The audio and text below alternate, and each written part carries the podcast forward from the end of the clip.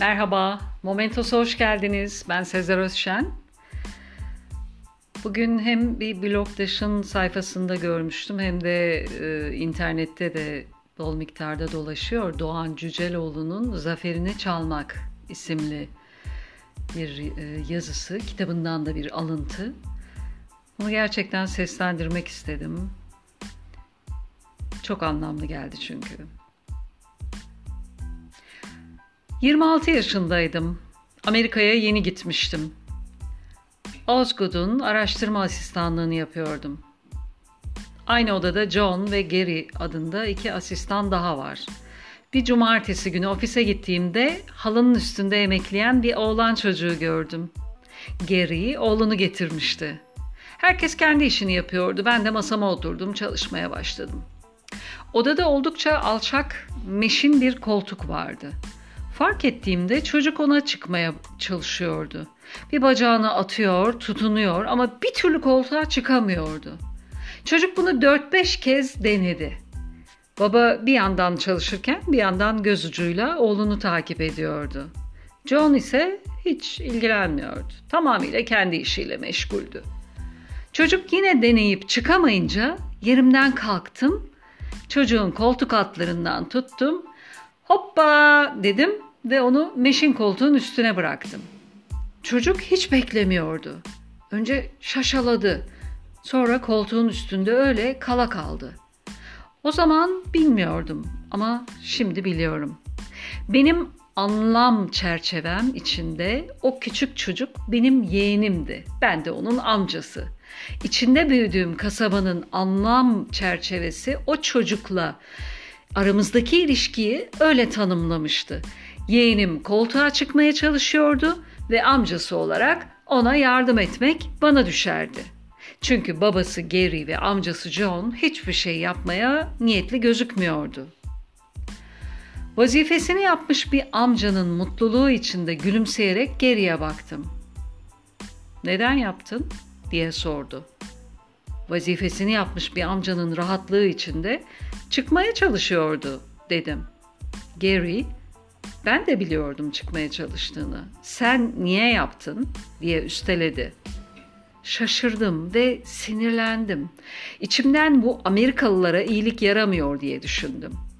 Ama merak etmekten de kendimi alamıyorum. Sonra sordu. Sen ne yaptığının farkında mısın? İçimden yine sinirlendim. İstanbul psikolojiyi bitirmiş, iki yıl asistanlık yapmış aydın bir insandım. Ne yaptığımın farkında olmayacak biri değildim. Bak dedi. Çocuk koltuğa çıkacağına inanıyordu. Belki yarım saat, belki bir saat uğraşacaktı ama eninde sonunda çıkacaktı.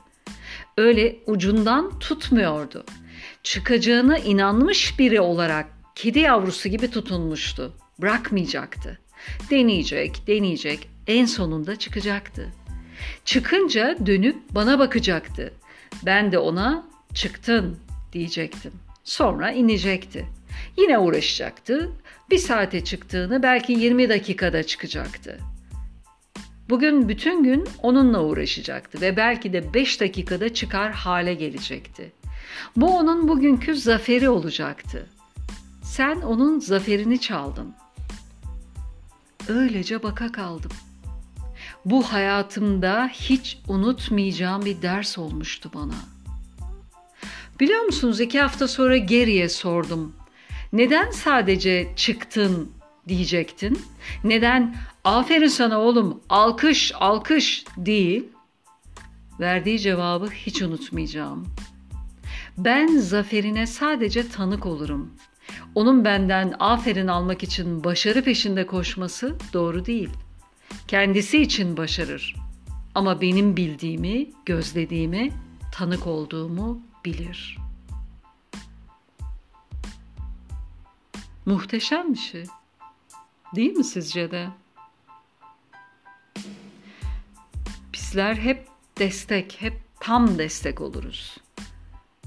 Ay düşecek gibi mi? Aman hemen koy elini sırtına düşmesin ver desteği.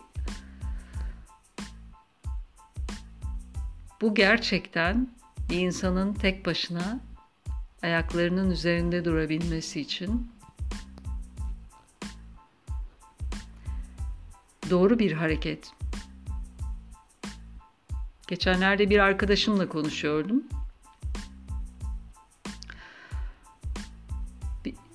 İki, iki kardeşinin daha olduğunu söyledi.